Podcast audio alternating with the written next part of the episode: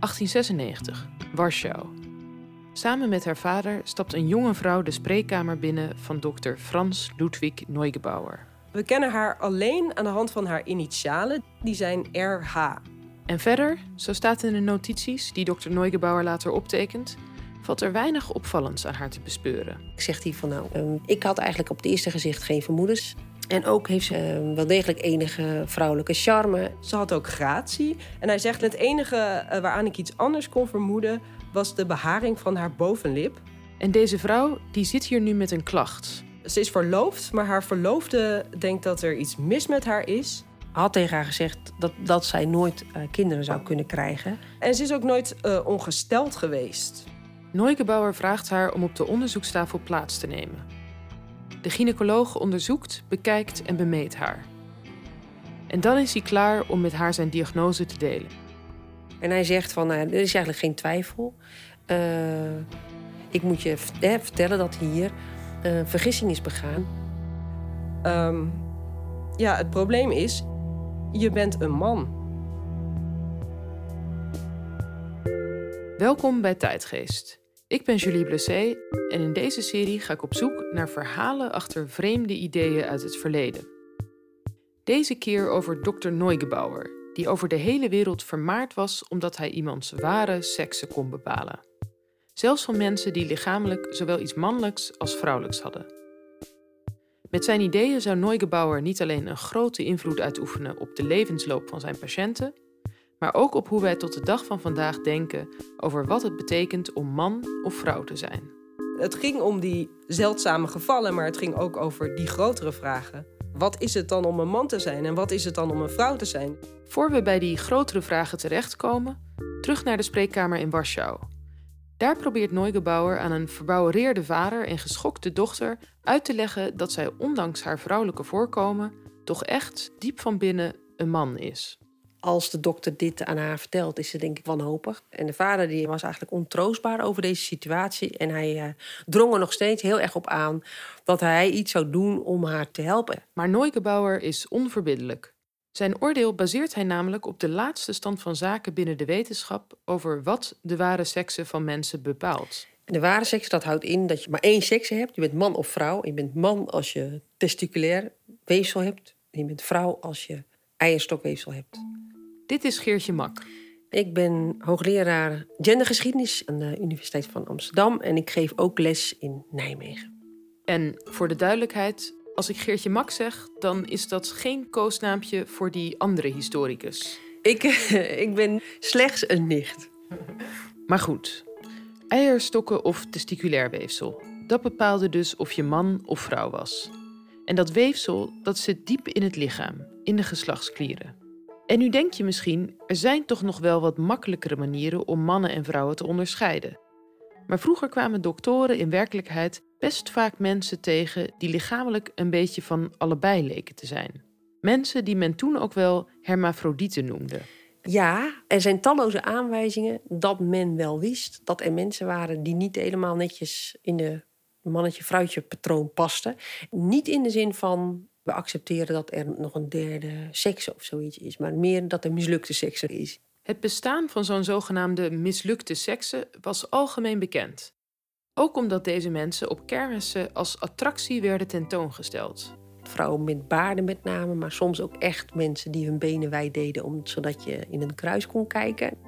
Mensen als de nondescripte Julia Pastrana. Flink vrouwelijk opgedot en dan is die baard natuurlijk lekker uitgegroeid zijn. Of Madame Clofulia, bij wie kermisklanten ter verificatie aan de baard mochten trekken. En het kon echt beroemdheden zijn. Dus als je daartoe bereid was, was het een lot uit de loterij. Op kermissen benadrukten en overdreven deze mensen hun tweeslachtige aard. Dat maakte ze extra bezienswaardig.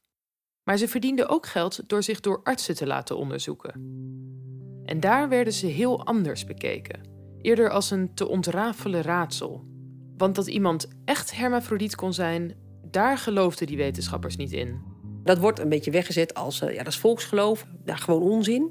Een hermafrodiet, dat is een mythisch wezen, zoiets als een eenhoorn. Er bestaan geen tussenvormen, uh, er bestaat alleen maar een ware sekse. Niemand is een echte hermafrodiet, dus je bent of het een of het ander. Wat bepaalt of je man of vrouw bent, Dat is voor die doktoren nog niet duidelijk. Maar de overtuiging is er. Het moet toch ergens in dat lichaam zitten. Het kan toch niet anders. Dit was een tijd waarin het lichaam steeds meer aan minutieus onderzoek werd onderworpen. Dit is Fenneke Siesling, gespecialiseerd in de geschiedenis van wetenschap. In het bijzonder uh, rassenwetenschap. En ik heb daar een boek over geschreven dat heet De Onmeetbare Mens. Volgens haar is meetdrift iets wat al sinds Linnaeus de wetenschap voortstuwt. Die uh, begon met het ordenen van plantensoorten, daarna van diersoorten, ook de mens. En die klassificatiedrift zie ik ook terug bij rassenwetenschappers.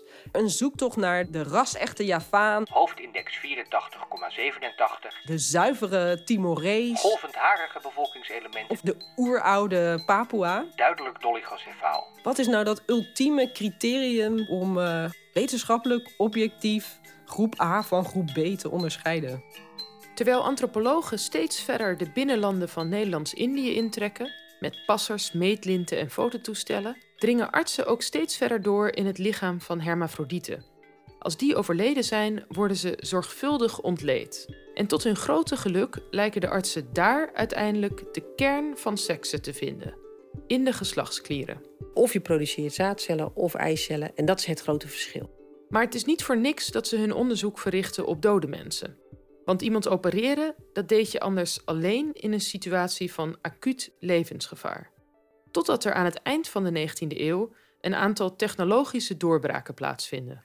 Eigenlijk pas op het moment dat er narcose is en wanneer er voor het eerst goede antiseptische maatregelen kunnen worden genomen, dan kunnen ze eindelijk na een hele eeuw klooien vaststellen of iemand man of vrouw is. En vervolgens kunnen ze ook de geslachtsdelen opereren, zodat ze er duidelijker of mannelijk of vrouwelijk uitkwamen te zien. Voor Neugebauer, die al jaren voorop loopt in de zoektocht naar de ware seksen, is dit alles een grote vooruitgang. Hij is ook heel blij met die techniek. Dus hij hoort tot de allereerste artsen die gaat zeggen: nou, voor ik iemand überhaupt behandel, wil ik eigenlijk kijken wat de geslachtsklieren te zeggen hebben. Ook buiten de wetenschappelijke wereld volgt men met veel aandacht het nieuws van al deze ontdekkingen. Het bestaan van de hermafrodiet wordt hiermee voor eens en voor altijd naar het rijk der fabelen verwezen.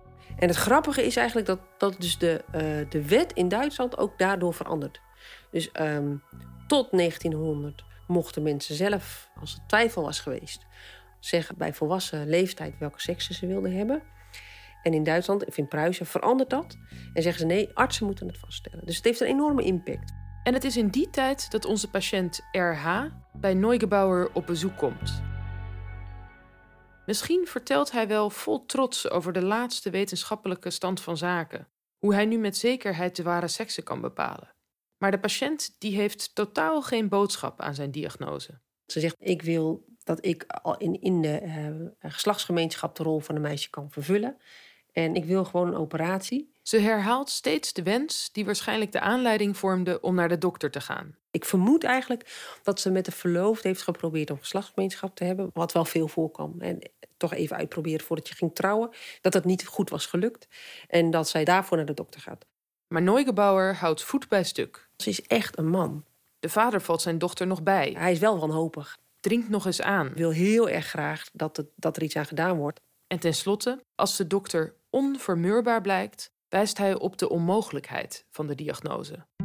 Als zij nu man verklaard wordt, dan lacht de hele stad haar uit. Dat wil ik echt absoluut niet.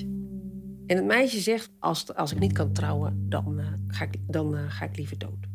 Met die woorden laten ze Neugebauer achter, in verwarring en vol frustratie.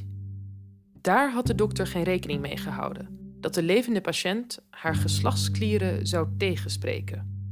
Er is echt een gekke paradox. Dat aan de ene kant echt ineens een doorbraak is in technologisch vermogen om uh, seksen wetenschappelijk vast te stellen. En de grote verwarring als dat niet klopt met de patiënt in de spreekkamer. Wetenschappelijk gezien is er niks op zijn aanpak aan te merken. Maar toch beginnen artsen te twijfelen. Bijvoorbeeld een Nederlandse arts en die zegt eigenlijk is het een ongelukkige ontdekking. Want talloze van dit soort mensen hebben heel gelukkig geleefd zonder iets te weten. En als ik het ze vertel, worden ze alleen maar ongelukkig. Moet dan de wetenschappelijke waarheid heersen over het menselijk geluk? Kunnen we dat wel doen? Neugebauer worstelt enorm met die vraag. Hij kan niet kiezen tussen wetenschap en patiënt. Maar dan komt hij met een nieuw idee. In eh, 1907 eh, krijgt Neugebauer een brief van een dokter Keunig. En die vertelt dat hij een geval heeft van een vrouw die verloofd is. Die een beetje een raar gezwel in de lies eh, voelt opkomen. Dat op een gegeven moment ook heel erg pijnlijk wordt. Na onderzoek blijkt het testikelweefsel te bevatten. Maar ja, Hij heeft de indruk van een, eh, van een vrouwelijke vrouw. Dus hij vraagt zich af wat hij moet doen. moet hij het vertellen aan de patiënt? Haar afraden te trouwen? Tien jaar eerder had Neugebauer dat zelf zo gedaan. Maar nu komt hij met een ander antwoord. In zo'n geval is het meest humaan om eh, niets tegen de patiënt te zeggen. En eh, we moeten eigenlijk eh, het seksenbewustzijn van de patiënt als maat nemen. En dat betekent niet dat je de patiënt het woord geeft, maar dat betekent dat je zegt: wij artsen moeten vaststellen wat er nog achter die geslachtskliercellen ligt. Daarmee bedoelt Neugebauer dat er achter die lichamelijke seksen ook nog zoiets als een psychische sekse ligt. En daar moeten de wetenschappers naar op zoek. Zo geeft hij het startschot voor een nieuwe zoektocht. Van dit moeten we gaan doen. Men gaat eh, enquêtes ontwerpen, naar het onbewuste kijken. Men gaat psychologische tests maken. Met dat idee legt Neugebauer de basis voor het begrip gender. Het idee dat we ons diep van binnen man of vrouw voelen, nog afgezien van hoe ons lichaam eruit ziet.